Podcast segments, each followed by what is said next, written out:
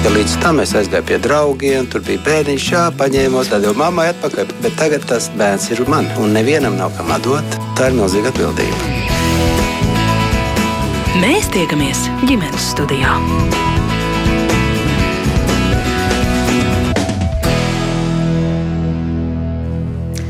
Labdien, rādījums ģimenes studija sāk savu skanējumu. Jūs sveicināta producente Ilza Zvaigzne, mans vārds ir Agnes Linka. Annas brigadieris un Jāņa Jaunsudrabiņa darbus sāk aizmirst un lasa aizvien mazāk. Pamazām viņi no klasiķiem kļūst par nevienam nevajadzīgām fosilijām, kas klīst pa digitālo kapsētu. Taču Jaunsudrabiņam dzims ģeniāls plāns. Ja Anneli un Jānis izdotos atdzīvināt abi grāmatas tēli, kļūtu pamanāmi un atpazīstami, un arī viņu autorus tādējādi atkal atcerētos. Kas notiek, kad tiek pretno nostatīts divas pasaules tēli un viņu autori, grāmata un tīmeklis, pusauģi un vecāki, vai tās var mierīgi līdzās pastāvēt, un vai neizbēgama gaidāma pasauļu sadursme. Šādus pieteikumus un šādu, šādus jautājumus skatītājiem uzdod jauna Nacionālā teātra izrāde divas pasaules par tiem un arī par latviešu literatūras klasiķu vēstījumu vispār mūsdienu pusauģiem. Gribam runāt šodien ģimenes studijā un šai sarunā piedalīties ir aicināti dramaturģi Ance Mūžniece un režisors Jānis Notiņš. Labdien! Labdien! Labdien. Kā arī uh, Agenskalna valsts gimnāzijas latviešu valodas un literatūras skolotāja Iveta Ratinīgs. Labdien! Arī jūs, klausītāji, kā vienmēr esat laipni aicināti iesaistīties šai sarunā. Ja rodas kādi komentāri, viedokļi, droši rakstiet mums ģimenes studijai no Latvijas radio mājaslapas. Sarunas iesākumā es gribu vaicāt izrādes autoriem, dramaturģai un režisoram, kā tas vispār viss sākās, kā tapa šī lūga, kā tapa iestudējums, kas jūs vispār iedvesmoja domāt un rakstīt šajā virzienā?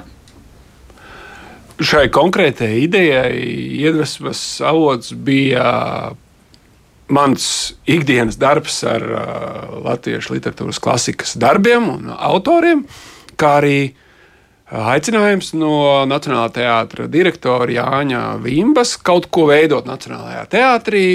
Man patīk tādā veidā ierobežojumi, tad es tā iedziļinos teātrī un tad es savā galvā izdomāju, kam, kas varētu īsti tā atbilst šim teātrim un tā, tā formai, kāds ir pats teātris un kā viņš veidojās. Un bija pilnīgi skaidrs sākumā, ka es gribu veidot to pusauģiem. Tēma strādājot ar pusauģiem bija skaidrs, ka ir jāatrod tēma, kas viņus varētu interesēt.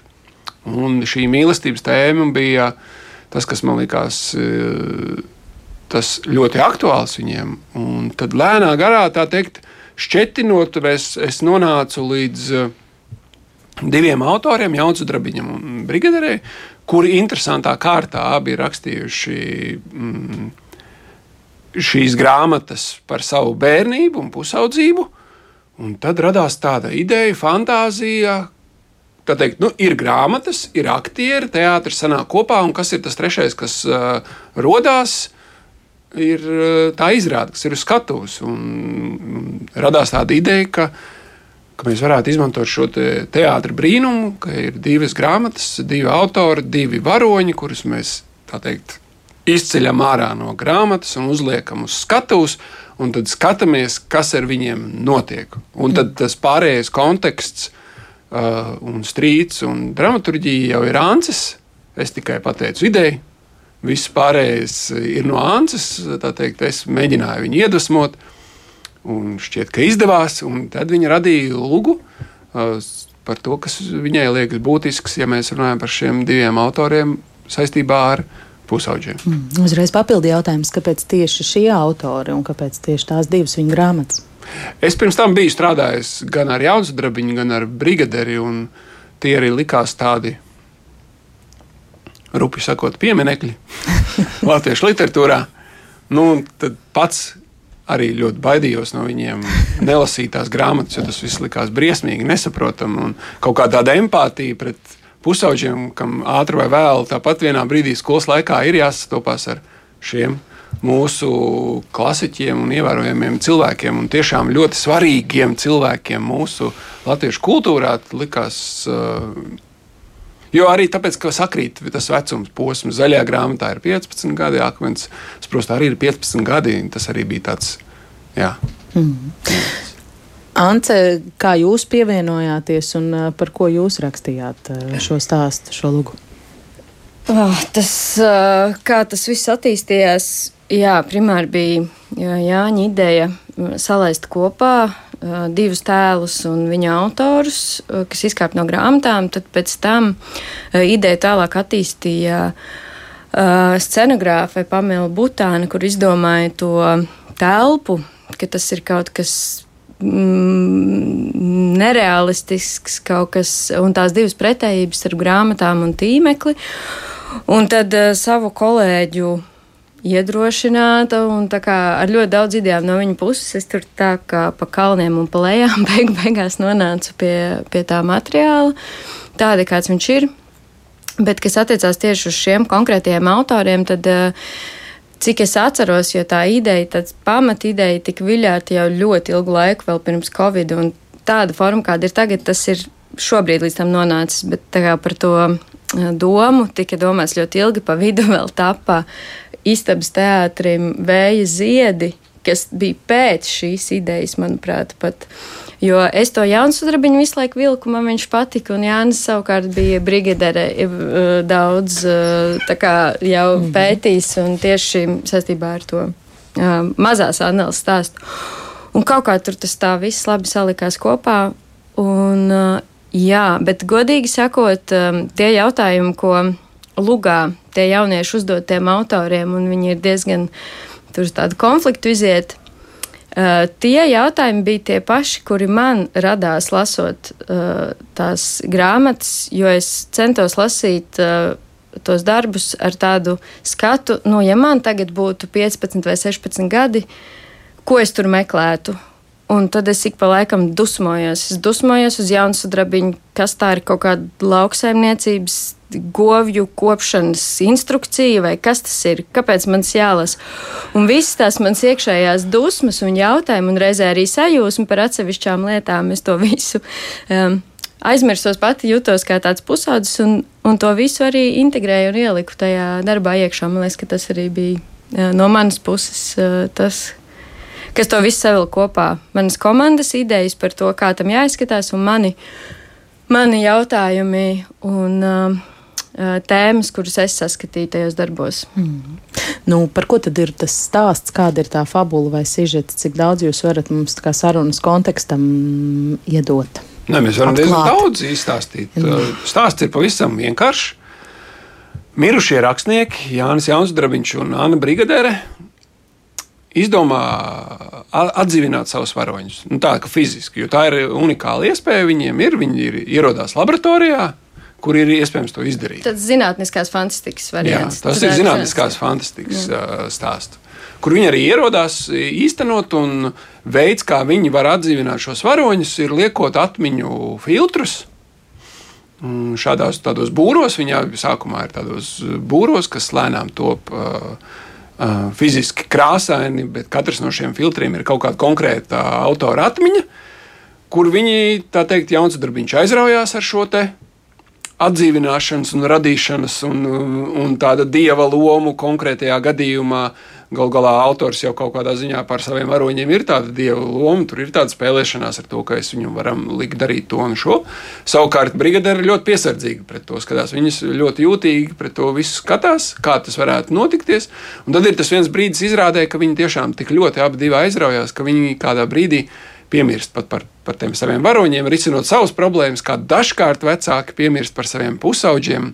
Tur ir tādi ļoti daudz un dažādi slāņi. Tur ir tas slānis, autors un viņa varonis, bet tur ir arī slānis vecāks un viņa bērns, pusaudzis, kuru mēs ikdienā audzinām. Un tad ir jautājums, kurā brīdī mēs viņam prasām viedokli, un kurā brīdī mēs viņam tikai liekam kaut ko darīt. Un tad neizbēgam vienā brīdī ar šo kaut kādu aizraušanos par radīšanu un, un, un to varas apziņu pār šo pusaudzi, varoni pusaudzi. Tad arī veidojās šis konflikts. Kādā brīdī viņi nepamanā, ka šie pusauģi ir paši spriest, spriest spējīgi un tā teikt, nonā, viņi nonāk vienkārši līdz konfliktam. Un tad jau mēs tālāk skatāmies, kā šis konflikts starp šīm paudzēm atrisinās. Mm. Kas ir tas, par ko jūs vēlētos, lai jūs tas eh, gados jaunais skatītājs eh, domā? ko viņš apdomā pēc izrādes noskatīšanās? Nu, tas nav tāds jautājums, uz kuru var tā vienkārši atbildēt, jo tā, to domu ir ļoti daudz. Bet es varu pateikt, par ko es vienmēr domāju. Um, rakstot uh, materiālu, kas ir um, balstīts uz kaut kādām vēsturiskām lietām, vai man, es vēlos pievērst uzmanību teiksim, kādam literāram darbam.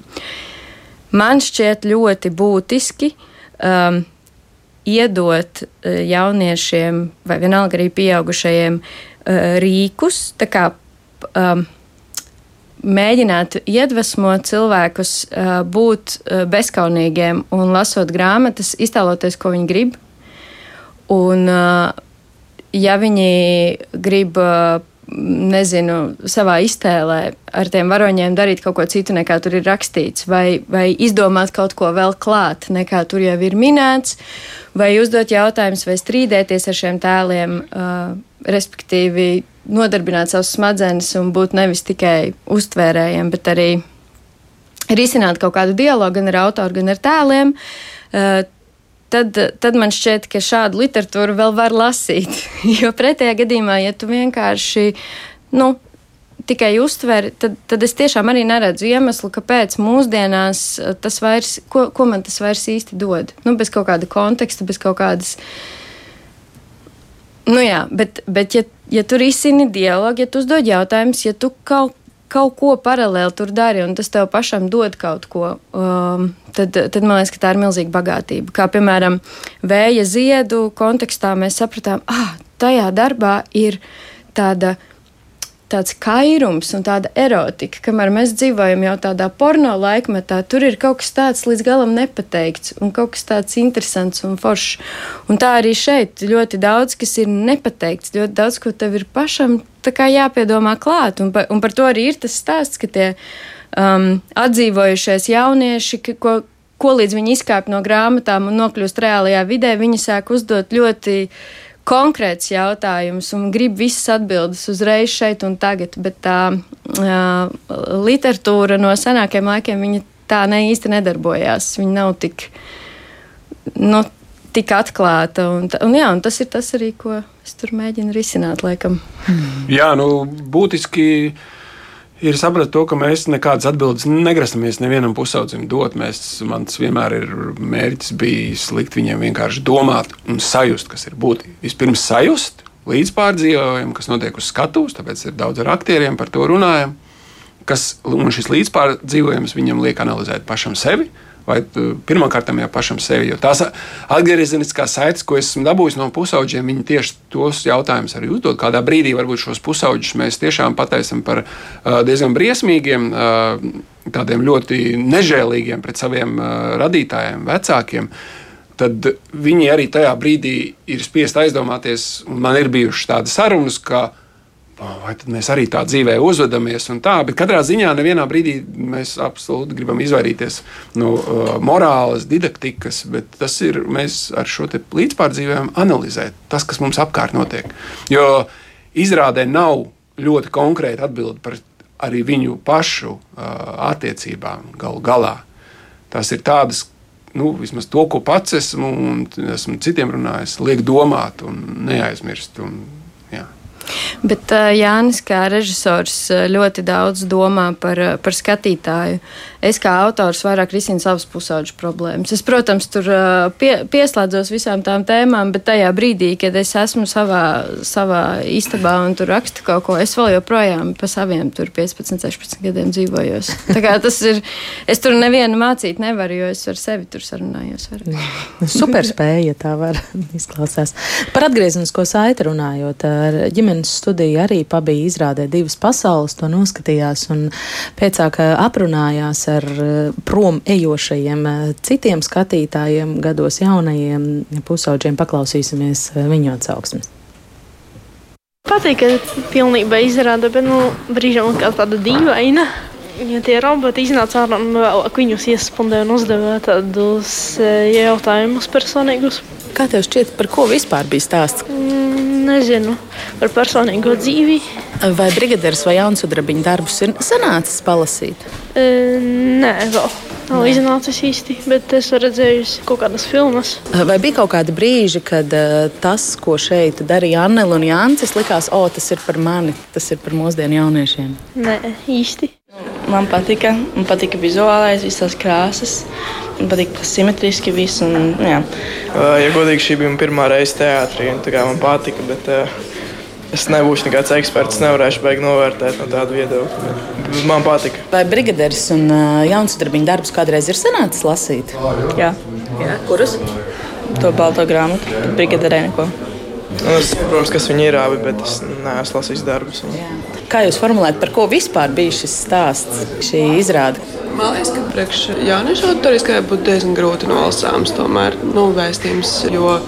Arī man pašai bija tā, tur ir skaidrs kaut kādi aspekti, par ko viņš runā. Par to, ka mēs īsti tās galā viņus nepazīstam un ka to nevar presbāt atdzīvināt. Nu, tas vairāk ir tāds iztēles jautājums, teiksim, un tieši lasot viņa grāmatas, cik tu tur vari iztēloties, tik arī tas ir. Jo nu, tā zināt pa īstam, kā kas ir bijis, un tas nav fiziski vairs iespējams.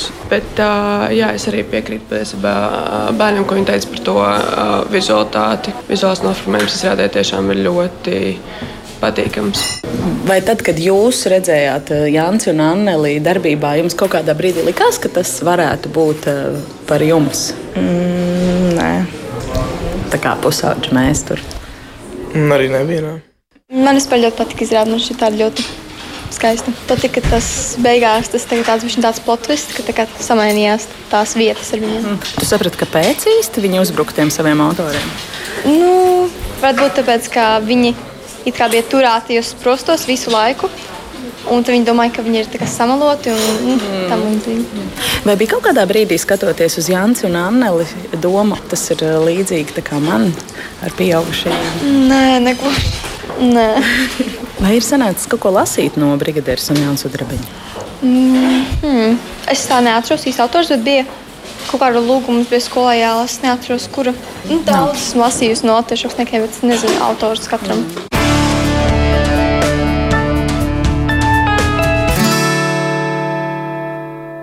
Tālāk, jaunieši pēc Nacionālā teātra izrādes divas pasaules. Kādu komentāru par dzirdēto? Nē, nu, tas ir tas, ko es esmu novērojis, ka mūsdienu jauniešiem ir bail izteikt savu viedokli. Viņiem ir uh, nu, pat ne mūsdienu tā lieta, kad uh, pateikt tiešām, uh, jo katra viņa doma ir pareiza.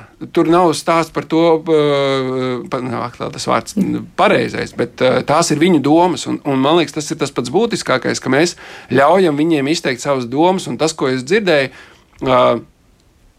ir tā, it kā, ja? it kā es kā varu just, ka tam intervētājam viņiem ir tāda iekšēja, es pareizi atbildēju, es pareizi atbildēju. Tas man nedaudz satrauc, bet uh, tas ir normāli, un es ar to tā kā. Nu, bet, Tas ir jautājums, cik viņi bieži tiek līdz tam teātrim, un, lai viņiem būtu šādi jautājumi. Un tas, protams, ir, kā mēs dzirdējām, dažs labs pirmoreiz atnāk uz teātri. Kas jau ir ļoti forši, man liekas. Tas ir forši, bet tajā pašā laikā skumji. Nu, acīm redzot, tur ir kaut kāda problēma ar pieejamību. Mm. Nāc, kaut ko nodomājāt jauniešos klausoties. Jā, es nedomāju par to, ka kritikās eh, mēdz eh, tieši par vizuālo tur kaut ko sliktu pateikt. Redz, ka jauniešiem tieši patīk. Protams, ka viņiem patika stāsts par, eh, par sprostiem avatāriem un filtriem. Jā, jā, tas ļoti interesanti. Man vienkārši ir ļoti interesanti klausīties mm. tos viedokļus, jo nekad tā īsti līdz galam nevar paredzēt, kas kuram plotvists beigās patīk. Man arī patīk tas plotvists. patīk, kas pašai ir izdevies. jā. Um, Iveta Ratinieka arī dzen šeit šodien kopā ar mums ģimenes studijā. Iveta grib jūs iesaistīt arī sarunā. Jaunieši lielākā daļa, ar kuriem es tur sastapos, teica, nu jā, neko no, no šiem autoriem nesam uh, lasījuši, cik uh, loģiski, cik loģiski uh, labi vai slikti vai nenovēršam tas ir, ka viņi nav lasījuši Jānis nu, Utrebiņu un Brigaderi. Pirmkārt, Uh, nu, āme, nu, paldies Dievam, vai diemžēl, uh, skola 2030 pieļauj ļoti liberālu tekstu atlasi, ja viens skolotājs nav maniakāls paraugu programmas adepts, nu, kurš vienkārši ar viņu kā ar svētajiem rakstiem nesājas apkārt. Un līdz ar to skolotājs, nu, empātisks skolotājs var klasē mm, nu, zināmā mērā piemeklēt, un arī pats savam temperamentam piemeklēt tos tekstus, nu, kas nemelos sarunā, sarunā ar bērnu, nu, neparādīsies tas melus aspekts. Ar brigaderi, nu, nu, teiksim tā, es vispār ar pamatskolu strādāju ļoti sen, šobrīd nestrādāju, strādāju nu, būtībā ar tiem jā, nu, pēcpusaudžiem, respektīvi. Tie, tu sāku strādāt ar pusaudžiem tajā brīdī, kad viņi kļūst jau forši, nu, saprātīgi, mīļi, argumentēt spēju un tā tālāk. Tā uh, bet, um, bet esmu strādājusi no tādiem jaunākiem ļaudīm arī pirms tam. Uh, no brigaderes, principā, vidēji statistiskais skolotājs uh, pasakulu algas izmantos pilnīgi noteikti. Un, nu, ja viņš ir tāds mazliet emocionāls. Nu, nu, tāds idejiski pasists, sauksim, die, kaut kādu gabalu no dievs darbs, bet pilnīgi noteikti ne ne, ne šo, bi, ne šo autobiogrāfisko tekstu. Pilnīgi noteikti. Ne, nezinu, nevienu dzīvu skolotāju, kurš to kādā jebkurā brīdī būtu izmantojis. Par akmeņus prostā. Jā, jā, jā. Un uh, jaunsudrabiņam, nu, teiksim, veids vai neveids vairāk, jo būtībā vējas ziedi ir tajā klasiskajā skolotāja domāšanas, tajā šablonā, ka šis no obligāti jāpaņem. Un, um, un, um, Un, un, un, un, un, un baltā zaļā grāmatā tas attiecīgi, nu, ja skolotājs ir tāds poētiskāks pēc dabas, vai grib pamocīt ar leksiku, nu, teiksim, novecojušu, vai nu, tā, tad jā. Bet atkal neviens, ne, ne otrs no tekstiem uh, nav no tā klasiskā uh, minimuma, kas mudinātu skolotājus, nu, tā teikt, dzīt. Mm. šos jauniešus baudīt teikt, šo darbu. Potenciāli tas, manuprāt, ir super, jo uh, tā lielākā nelaime ir, ka ko tad man sagaidīt no iestudējuma? Ka tā būs ilustrācija. Uh, vai vēl bīstamāk, nu, tā kāda tāda nevisai forša uh, interpretācija. Jo, godīgi sakot, es neesmu redzējusi, bet mani biedē doma Jauns Drabiņš, uh, brigadē un visa šitā zinātniskās fantastikas. Uh, tufta, piedodiet par šo vārdu, vienā teikumā. Mani biedē, jo būtībā, nu, pilnīgi citas izrādes sakarā es tikko redzēju debesu jumu, man viss patīk, viss patīk, viss skatos, skatos, un tās beigas, man liekas, nu, tāda tā pievilkti, tā didaktiski iebakstīts, ka nu, apēta visu iespēju par logu kopumā. Es baidos, ka šis pārējais moments ar zinātnisko fantastiku, ka tik nenoētu to brigaderi un jaunsudrabiņu, bet, nu, Nu, nezinu. Droši vien, ka jums bailes būs jāpārvar un jāaiziet kaut kad paskatīties. Bet, bet, es jūs varu iedrošināt, ir ļoti asprātīgi. Es gan arī neesmu mērķa auditorija. bet tad sanāk, ka Jānis ir drusku alojies tajā, ko jūs sākumā teicāt, ka aiz līdzjūtības pret pusauģiem, kuriem agri vai vēlu brigaderi vai jaunsudrabiņš būs jālasa, Tā ne nemaz teksti, vairs ne šie teksti nav. Un varbūt, ka vispār neviens teksts um, no šiem autoriem nu, vairs. Es ļoti šaubos, ka, ka pat ļoti gribot ir iespējams izvairīties, nu, ja ļoti gribētu, bet, bet um, jau, nu, vēja ziedus paņem pilnīgi noteikti īsā apjoma pēc. Plus atpazīstamā situācija, pirmā mīla, tur visas attiecīgās uh, hiperbolizācijas un tā tālāk un tā joprojām. Mm, es esmu pati ļoti tālu no Jānis Drabiņa temperamenta, sauksim, kā ir. Un, un es nu, paņemu šo tekstu, bet diezgan ar tādu, nu, nevis tādu pietātas pilnu, bet tādu mazliet nu, arī ironisku, tādu, tādu mērcīti. Bet, filtru. Jā, filtru. Sauksim to par filtru, bet, bet tas, ka klasika būtu jāņem kaut vai tāpēc, lai tas vārdu krājums nebūtu tik. Um, nu, šaurs, kāds mm -hmm. viņš ir šobrīd, tas ir pilnīgi noteikti. Kaut vai -hmm. tikai šī iemesla. Mm -hmm. Tieši par to arī mans nākamais jautājums. Jā, vai, tam, vai tam mūsdienu eh, foršajam pusaudzim vai jau jaunietim ir jālasa, un cik daudz no tās latviešu literatūras klasikas, jūsuprāt, viņam ir jālasa? Nu, te ir vairākas bēdas. Pirmkārt, Latvijas vēsture ir izšķiedēta izšķīdināta sociālajās zinātnēs, un viņam jau vēstures, nu, kaut kāds chronoloģiskums ir no, nu, nobiris pilnībā.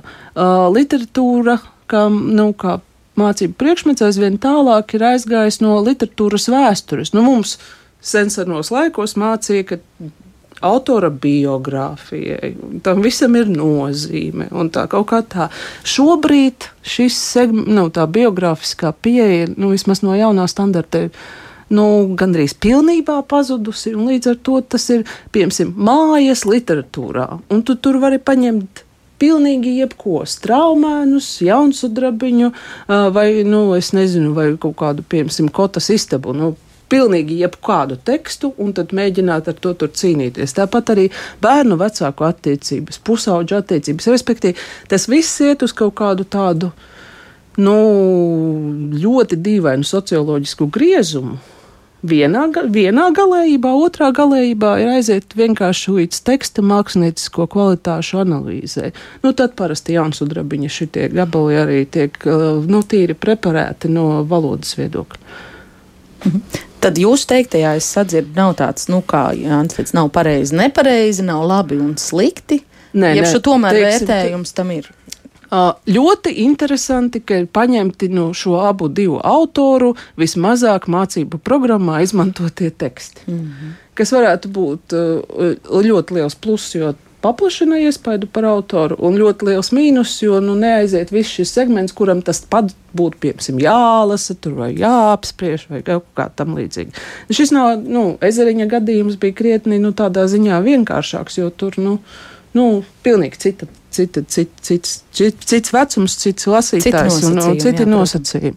Bet, bet šie gadījumi, kas nu, nu, spēlējas ar, ar, nu, ar, ar, ar to biogrāfisko autoru un, un viņa tekstu un pilnīgi citu jaunradītu tekstu.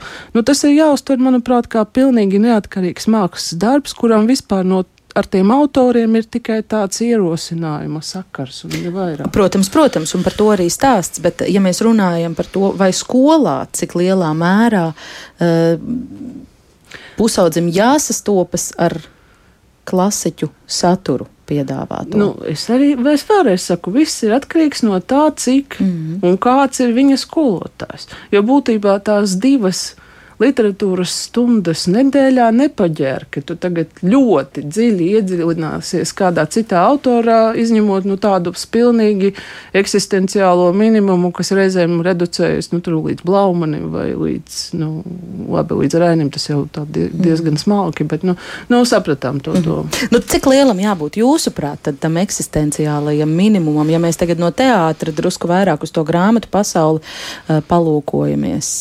Vai ideālā gadījumā jūs uzdrīkstētos cerēt, ka kāds aiziet uz jūsu izrādi un pēc tam lasa um, akmeņu sprostā vai zaļo grāmatu vai jebko no šiem autoriem?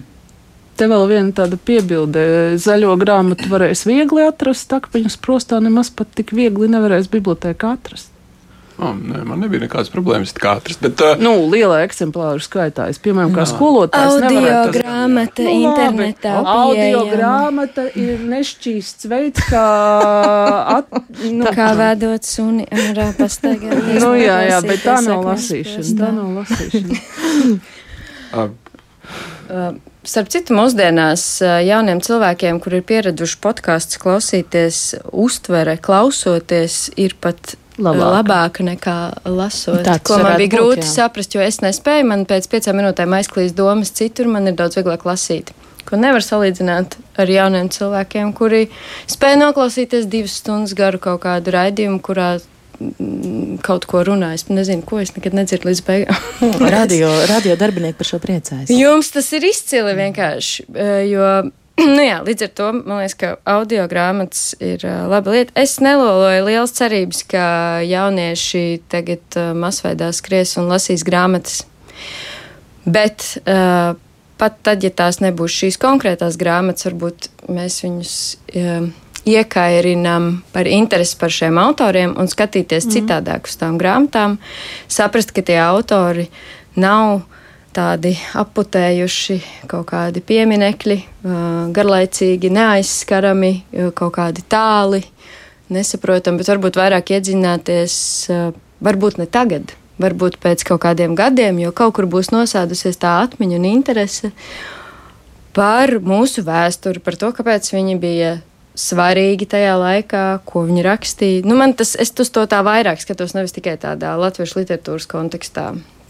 Jo man pašai tas, es to, es tomēr piespiedu kārtā kaut ko lasīju vēl skolā, tos 11 gadus atpakaļ, man tas vispār neinteresē. Un tagad man ir 30 plus, un es tam visam eju vēlreiz cauri, un man ir tik ļoti interesanti, jo pēkšņi man tas nozīmē kaut ko daudz vairāk. Un tāpēc man liekas forši, ka mēs varam iedot tagad tiem jauniem cilvēkiem, kur arī varbūt tajos 30 plus ies cauri un atklās vēlreiz no jauna. Um, brigaderi vai, vai, vai, vai nezinu, lāčplēs lasīs un pēkšņi sapratīs to visu citādāk. Mm. Jā. Jā, nu jūs sākumā teicāt, aiz līdzjūtības pret pusauģiem, kuriem agri vai vēlu tas viss būs mm. jālasa. Nu, jā, bet, vajag bet viņiem to dot, iepārdot. Skaidrs, ka vajag. Un skaidrs, ka to nevar, nedrīkst darīt piespiedu kārtā, jo nekam no tāda veida pieejas jēgas nebūs. Tur vienkārši varat, nu, būs tikai lielāka pretestība, un nekad dzīvē tas ir kaut kas briesmīgs un viss pārējais. Bet runājot par to atsauksmi, ja es savā dzīvē nebūtu pieredzējis pēc uh, Baltās grāmatas izrādes, ka bibliotekās ir rindas pēc grāmatas, acīm redzot, tas efekts ir iespējams. Bet skaidrs, ka mēs to izrādi ne, nedaram, tāpēc varu uh, apbēdināt vai nomierināt kādu. Šajā izrādē nav nu, konspektu par zaļo grāmatu vai akmeņus prostā neuzrakstījis. Tur tikai labākajā gadījumā gadījumā tu varēsi nosaukt galveno varoņu vārdus, Jānis un, un Anneli. Bet mums, tas mūsu pašu iekšējais uh, uzstādījums ir runāt par to. Runāt un, un, un zemapziņā vienmēr nogulstās.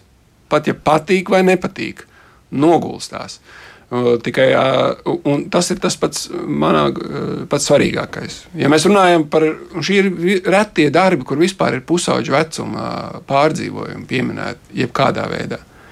Latviešu klasikā. Tas ir ļoti reti, kur tiešām ir. Bet skaidrs, ka to tiešām var izprast pieaugušs cilvēks. Lasīt vajag, tāpēc ka tas kaut ir Uh, valodas bagātināšanas dēļ tas ir ļoti kritiski un būtiski kaut vai vienu nodaļu izlasīt un saprast. Nevajag jau, nu, kurš to var izlasīt. Man arī, es te lasīju to zaļo grāmatu, nebija baigā starā par to grāmatu. Tas taču ir nu, grūti pie mūsdienas ritma un ātruma lasīt kaut ko garu un, un ilgstoši. Bet tā šie autori ir šajā mūsu informācijas laukā, šeit mums apkārt. Un, un tas mūsu mērķis ir viņus pievērst viņiem uzmanību. Mm. Iveta var to tā paveikt. Eh, skolotājs var iepārtot tiem eh, šodienas tiktokeriem. Nu, to stāstu, vai, nu, atkal... ka tie cilvēki ir svarīgi mums un kāpēc. Mm, nu, atkal, paldies Dievam, tiktokerius nesastopu tik bieži. Jo, nu, būtībā, nu, labi, mēs ģimnāzijās dzīvojam tādā nedaudz jau, nu, Burbuli, nu, ja ne gluži izmeklētā auditorijā, tad, nu, varbūt tajā auditorijā, kurai gluži nevajag stāstīt katru reizi par lasīšanas liederīgumu, nu, nu tā uz, uz apli, ja. Nu, es jebkuram vecumam piespiežu zināmā mērā strādāt ar pilniem tekstiem, un uh, no ar ātrumu divās nedēļās viens liels garš pilns teksts, nu, piemēram, luga, nu, piemēram, nu, romāns. Un, nu, neprotat laiku plānot pašvainīgi, apmēram ar tādu nu, nežēlības līmeni. Sākumā grūti, pēc tam ielasās, pierod lasīt ātri, pierod lasīt, nu, varbūt ne, nemeditējot par katru dabas aprakstu, un tā tālāk un tā joprojām, bet, bet nu, tīri prāta. Prāta treniņam arī, nu, nu, nezinu, tam, kurš izvēlas kādu eksaktāku virzienu, viņam vajag vienalga nu, to, to līdzsvaram, to humanitāro sadaļu. Mm. Jā, bet uh, man šķiet, ka tādā ziņā nu, mēs teiksim, esam mazliet uh, labākā, nevis labākā, bet citādākā pozīcijā. Jo skolotā, nu, tas skolēns aiziet uz stundu, nu, viņš gatavojas. Nu, tagad būs darbs, tagad man kaut kas obligāti būs jādara. Bet ar teātri viņi reizēm tomēr var bišķīt apmainīt, ka viņš atnāk uz izklaidi. Nenotika Jā. stundas vai arī. Nezinu, kaut kas pēc tam būs tikai jāuzraksta, ko mēs redzējām, ko mēs sapratām, un mēs par to dabūsim atzīmi. Nu, un visādi šādi gājieni. Un tā, un tā viņš atnāk, un viņā tā informācija ieplūst, viņš nepamanīja, kā, kā, kā tu viņam kaut ko pastāstīji. Mm. Un tādā ziņā man liekas, ka mēs esam tādā nu, vieglākā pozīcijā. Un abas tās lietas ir ļoti, ļoti svarīgas, un viņas pilnībā nekonkurē viena ar otru. Bet, um, bet sadarbojoties, man liekas, ka tur var ļoti, ļoti labu rezultātu panākt. Mm. Nu tā. Bet tā sadarbība izdodas. Uh, Ants arī kaut kad te iepriekš pieminēja, būtu labi uzdot jautājumus, ja veidot dialogus. Sanāk ar skolēniem. Nu, mana Tāda... mīļākā metode ir vienkārši semināri. Tādā klasiskā izpratnē es nepasaku nevienu vārdu par autoru. Es lieku uzreiz lasīt tekstu, nu, jo ir tomēr tas gadījums nu, par Raini nekad slikti, par to tur nekad neko slikti, un bieži vien pat anonimizētus tekstus. Nu, vismaz dzējas sakarā viņi nezina, ko viņi analizē nu, ja nav ļoti izsmalcināts, prasmē atrast tekstu tur un tā tālāk.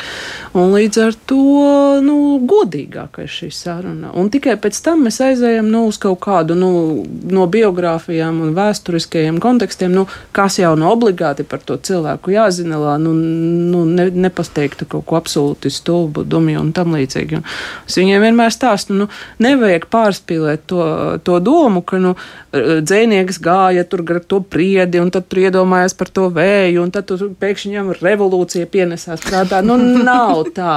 Nu, neviens normāls autors neraksta, no nu, es tagad jauniešiem mācīšu tur to un to ar šito un šito. Nu, nu, nedrīkst tik vulgāri no, no to biogrāfiskumu mēģināt izdzīt no tā teksta, no, no, sadzīt no tā teksta un, un tam līdzīgi. Bet tās sarunas par, sarunas par nu, par literatūru reizēm speciāli viņiem iztulkojot uz vienkāršāku valodu vai netik poētisku valodu, nu, ļoti palīdzis. Mēs, mēs nu abi no 16 gadīgiem šodien tur bišku parunājam par Šekspīru. Nu, arī līdz ļoti vienkāršošanai pasakot to pašu domu un, un nu, jā, omizām.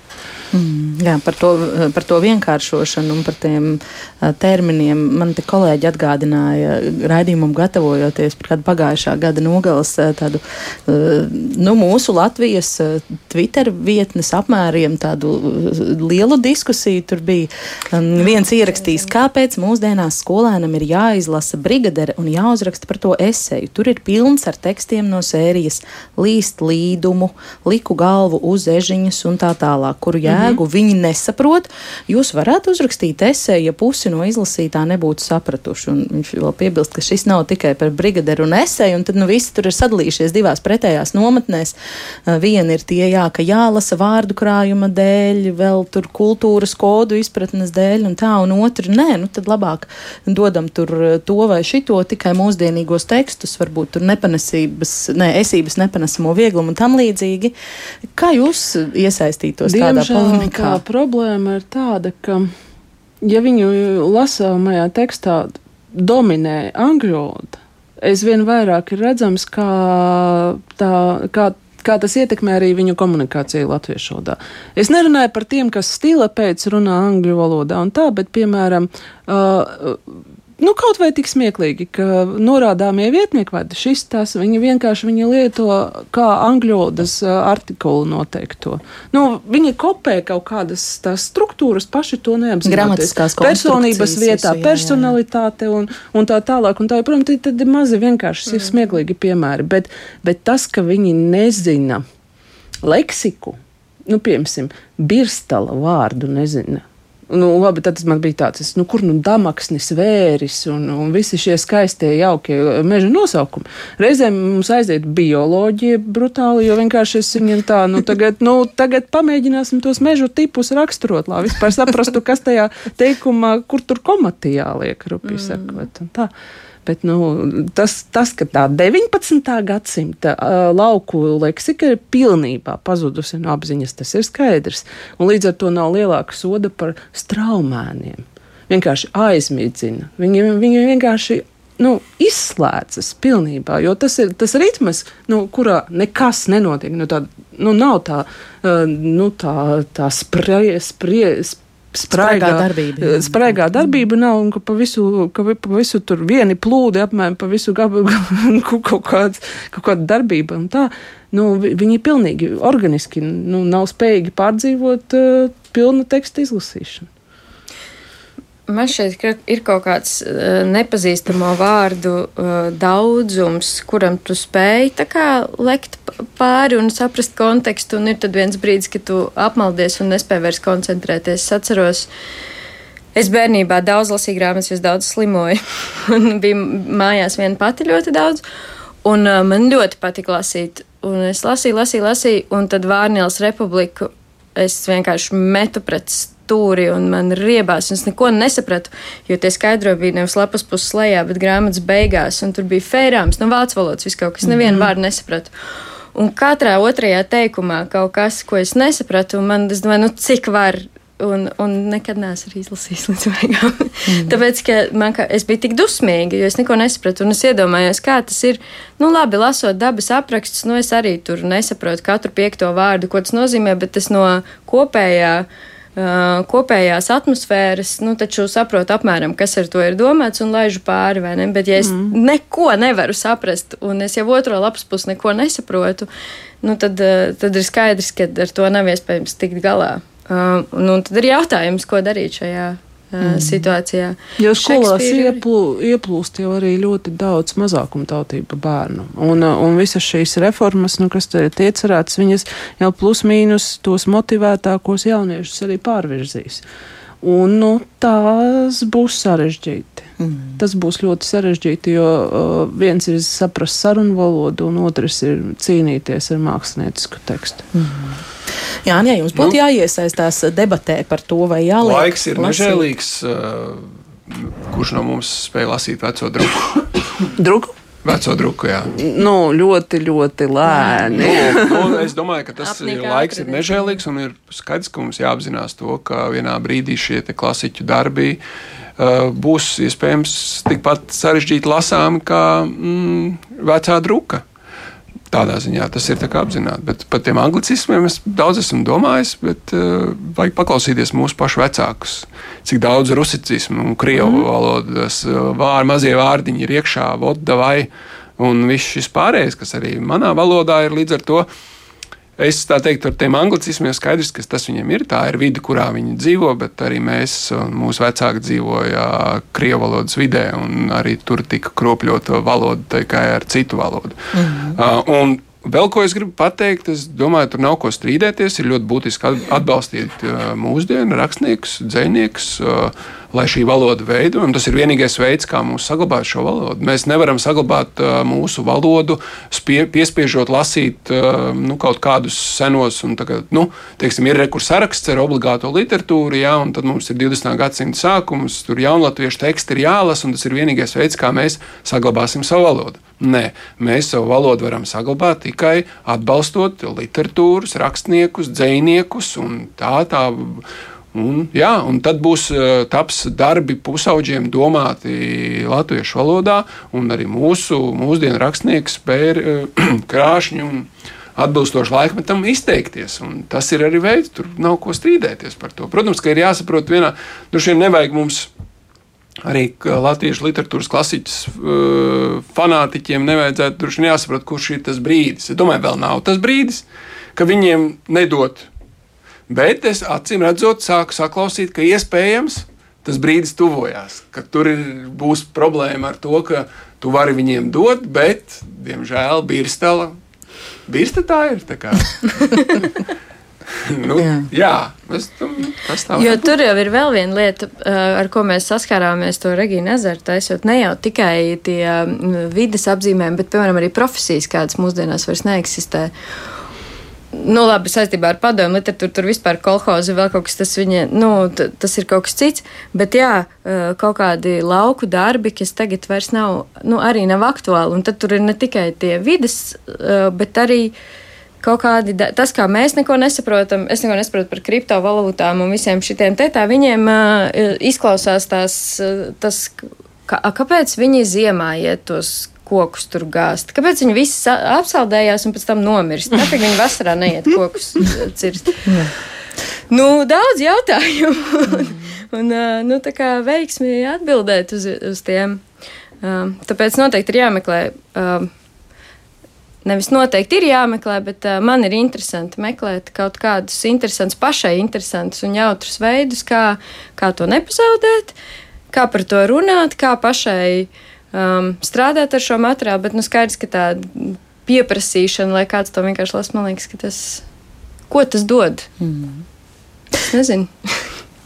Iveta, kā jūs teikt, vai tur ir uh, kaut kas pārlaicīgs tajos uh, vēstījumos? Arī ja mēs nerunājam tiešām par vārdu krājumu vai par senu uh, jēdzienu apguvi un vārdu krājumu paplašināšanu, notraušot putekļus no šīm grāmatām, jūs esat ar tiem bērniem uh, kontaktā dien dienā stundās?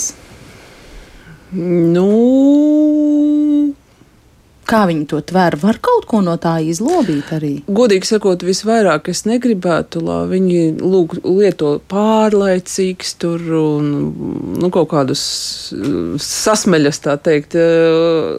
Nu, nu, respektīvi, hmm, Varbūt sliktākais, kas var būt, ja viņš mēģina izpatikt skolotājam, un ak, cik skaists stāsts, un kā nu tagad tur viņi tā smalki un taktiski, un tur nezinu, ko tur, ko tur. Nu, nu, nevar jaunietis domāt kā dāma labākajos gados, un tās dāmas labākajos gados aizvien ir, nu, aizvien labākos gados šobrīd ir, nu, un, un kolēģi pārdzīvo, nu kā viņš, nu, piemēram, nu, mums ir bijušas drāmas ar Jānsudrabiņa vēja ziedu, tur domrakstiem par vēja ziediem. Es saku, nu nevar tas jaunietis domāt, nu, tik poētiski, kā tu savos 60 gados. Nu, nevar. Nu.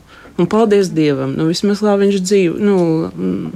Nu, viņš tiešām saka, ko viņš par to domā. Nu, bet vēl bez vārdu krājuma paplašināšanas, vai tā kā mums te, piemēram, um, kāds klausītājs raksta, ka tās kolā, kolektīvās zināšanas tomēr ir nu, jāsaglabā. Kolektīvās zināšanas par ko? Par lauksēmniecību? Nu, par to, ka šie lielie uzvārdi, piemēram, ir rakstnieki, nevis mūsu pirmie Latvijas uh, olimpieši. Nu, jāzina, ka bija tāds autors, ka viņš rakstīja, ka viņam tur, piemēram, bija tāds stils. Nu, tas tā lieliski, ka tu to zini, bet es negribētu, lai vispār eksistē tāda grāmata, nu, kas būtu vienkārši, nu, ja nav tās grāmatas, tad tur ir nē. Nu, es, kaut, es kaut kā neticu arī visiem šiem stāstiem nu, par līd, līd, nu, ka, nu, kā tad es būtu trimdā bez traumēniem tur izdzīvojis vai vēl kaut ko tādu. Man tas viss liekas, nu, mm, nu piedodiet, es smaidu. Mm. Tad tas mūsdienu, šīs dienas, vai nu lielais pusaudzis, vai nu vidusskolēns, kas jau ir, varētu teikt, jaunietis, tad viņš to latviešu literatūras klasiku arī lieto Nu, nu, viņam kā, jā, kā, viņam, kā, kā materiālu, jā, mācoties jā, analizēt jā, tekstu, jā, jā, saprast jā, kontekstu. Jā, jā. Mm. Nevis Nē, saturiski nu, smeļ no sevis. Visas tās paudzes pirms tevis šitos lasīja, un tāpēc varbūt viņi arī kļuva mm. tādi vai, tā, vai nekļuva tādi. Mm. Bet, bet tev nevajag no nu, apmēram kopēt, nu, es nezinu, pagājušā gadsimta sākuma kādu cilvēka domāšanas veidu un domāt tieši tā un nekā citādi. Mm. Man visvairāk interesētu, vai viņi var identificēties ar kaut ko, bet var, to es neizprasīju var, vismaz teātrā. Var, jo būtībā es, nu, es mācu arī tādu jauno to priekšmetu nu, radošā rakstīšana, un tad tur ir tā, ka es viņiem lieku imitēt autoru, nu, rakstīt par nu, viņa, nu, viņam aktuālu problēmu, bet kaut kādā noteikta autora stilā. Ļoti labi māki imitēt. Jā. Vēl kas ir viņiem būtiski, ir arī, ko mēs arī teātrī mēģinām saprast, ka, piemēram, Jaunsudrabiņu un Brigaderis kontekstā mums viņi ir kaut kādi vecie rakstnieki tajā laikā, kad viņi to rakstīja, tas tomēr bija uzdrīkstēšanās tā rakstīt. Un tas arī Avangardā, bieži vien jā. sarunās ar pusauģiem palīdz, kad izskaidro šo darba rakstīšanas laika kontekstu, kādā kontekstā tas mm. ir tapis un ko šie rakstnieki ir tajā laikā uh, izdarījuši. Viņus varētu vēl ideālā gadījumā salīdzināt ar mūsdienu kaut kādiem rakstniekiem, ka tas bija tas pats. Tas, ko izdarīja Jaunsudrabiņš tajā vai brigadē laikā, tas mm. bija tas pats, ko šobrīd tas skandalozais rakstnieks dara. Jā, bet to var tikai ar ļoti lielu lasītāju pieredzi. Tas ir viens no ļoti milzīgu stundu skaitu. Tas ir otrs. Dažas klausītāja replikas Normons raksta, labdien, ja gribat degradētu sabiedrību, neprasiet bērniem lasīt. Bērni tagad ir tik vārgi, grūti lasīt, izprast. Ja mēs paši savus latviešu bērnus nevaram piespiest, tad ko mēs musinam lielu daļu Latvijas citautiešus? Un viņš vēl piebilst, ka ziemā gāž kokus, jo koks nesūlē ir minimāli. Es tikai lasīsim. Mūsu... Es aicinātu Normundu uh, izvairīties no vārda piespiest. Es pilnīgi visam piekrītu, bet vārdam piespiest nepiekrīt. Bezjēdzīga nodarbe. Jā. Te, te, tam riebis. Jā, te kāda mamma parakstījusies eh, lietot citu nomotivēs, motivēs. Es kā vecāks no vienas puses esmu šausmās, ka būs tas zvejnieka dēls jālasa. Nebūs. No otras tomēr ceru, ka skola ar savu obligātumu tomēr nomotivēs uz to, kas man kā vecākam neizdodas. Bet, Nē, ja domājieties, jau vecāku paudzē jau no tām grāmatām jau vienkārši slikti ir, un tad viņi uztraucās, ka viņu bērniem tas būs jālasa. Tad jau tā ir trauma vairāku paudžu paudžu garumā. Tas ir tas vienojošais, ko, ko mēs iedodam, kas vieno paudzes. Bērns atnāk mājās, nu, vai jaunietis tur pārdzīvo par kaut kādiem straumēniem, un vecāks, ka es tevi saprotu, un tad viņi var kopīgi pasēdēt pie galda, viņiem ir kaut kas kopīgs. Vai arī es savulaik pret straumēniem. Sakot zobus un izlasīju, un bail, ka tagad viņu neviens nepiespiedīs izlasīt. Vienkārši ir cits dzīves ritms, cita, cita poētika, viņi to lauku, lauku romantiku vispār, nu, neķer. Bet uh, man tiešām šķiet, ka ir, nu, nav jāmīl tā tā laika literatūra. Tas nav obligāti. Tur jau ir tā problēma, ka mēs kaut kā arī, jo, jo labāko arī tie pasniedzēji vai vecāki grib, jo vairāk viņi nāk virsū ar to, nu šis tev ir obligāti jāmīl. Un ko līdz man kāds nāk virsū un saka, man obligāti ir jāmīl, man nekas nepatīk, tāpēc, ka es nesaprotu, ko tur mīlēt. Tur viss jā, ir garlaicīgi vai kaut kā. Ja uz to skatās kaut kā citādāk, bez tā, nu, man liekas, tāda mm, uzspiestā kaut kāda patosa. Kurš ir skaidrs, kāpēc tas tāds ir? Visas mūsu vēsturiskās situācijas dēļ mēs tur, vismaz manā bērnībā, 90. gados sākot skolā, mēs tam viss tā alkaini ķērās atpakaļ pie tās, um, un arī tur vēl viss tas uh, ie, iepriekšējais mantojums, protams, ka bija vis, visi tie autori, kuri par latvisko, latviskais, latviskais, un tas ir kaut kas tik skaists, un tas ir tik brīnišķīgs, un jāmācās no galvas, un kaut kas tur jālasa, un man ļoti nepatika. Um, un, uh, Un es jutos ar vēl lielāku pretestību, tāpēc, ka man saka, ka man tas ir tavi emociju raini mīlēt, mm -hmm. bija pat šitais, ka, mm -hmm. Un es teicu, nepatīk, man nepatīk, man patīk amerikāņu kaut kādas populāras lietas. Man nepatīk, bet pamato kāpēc. Tāpēc, nu, ka spiež. Nē, spiež. pamato, kas tajā tekstā tāds sūnais. Nu, nu, lūk, un lūdzu. tad tu sāc kaut vai aiz dusmām, tā kā es tagad lasīju to zaļo grāmatu, bija tik dusmīgs to Jānsudrabiņu, viņš tur. Um, Mīlestības vēstules sūtījām metnēm trīs teikumi. Kā es ieraudzīju zaķi pirmoreiz dzīvē, pusotra lapas puses. Es domāju, nu, kas Jā. tas ir? Un es ar viņu strīdējos, un beigās es viņam pieķēros, un tas bija interesanti. Jā. Jā, un pēdējais ir vēl kas sakāms. Jā, ne, ir viena būtiska lieta, ko droši vien e, pārlikšu. Mēs te ļoti skaisti un daudz runājam par to, mm, ka bērniem vajag un vajag lasīt, un viss būtu ļoti skaisti. Bet ir ļoti būtiski un e, tāda lieta, ka ir Latvijas e, skolas soma kura šobrīd ir kritiskā situācijā. Jautājums ir, mēs varam saradīt tās izrādes ļoti daudz un dažādas, bet ja nav iespējams šiem skolēniem atnākt, un tikai tāpēc, ka es biju pagājušā nedēļa saimnes komisijas sēdē, kur Nacionālās apvienības. Vienu minūti, jā. bet tas ir ļoti būtiski. Nacionālās apvienības pārstāvs atklāti pateica, ka kultūras ministrijas prioritāte nav profesionāla māksla, jeb kāda, ne tikai teātris, bērniem un nepiešķirs papildus finansējumu. Līdz ar to tas ierobežojums būs vēl joprojām. Mēs varam te strīdēties par to, lasīs, nelasīs, bet ja tā ja, ja jau ministrijai tas nav svarīgi, tad. Par šo noteikti, ka jā, liksim daudz punktu, diskutēsim kādā no nākamajām ģimenes eh, studijām. Paldies par sēklu. Tātad režisors Jānis Notiņš, dramaturgi Jānis Mužniec un Latviešu literatūras skolotāja Iveta Ratinīka šodien ģimenes eh, studijā. Paldies par sarunu diskusiju.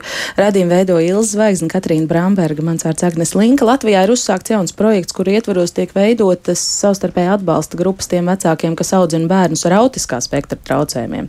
Arī apmācīti speciālisti ārsti un vēl dažādas iekļaujošas aktivitātes. Par tām runāsim ģimenes studijā rīt uz sadzirdēšanos.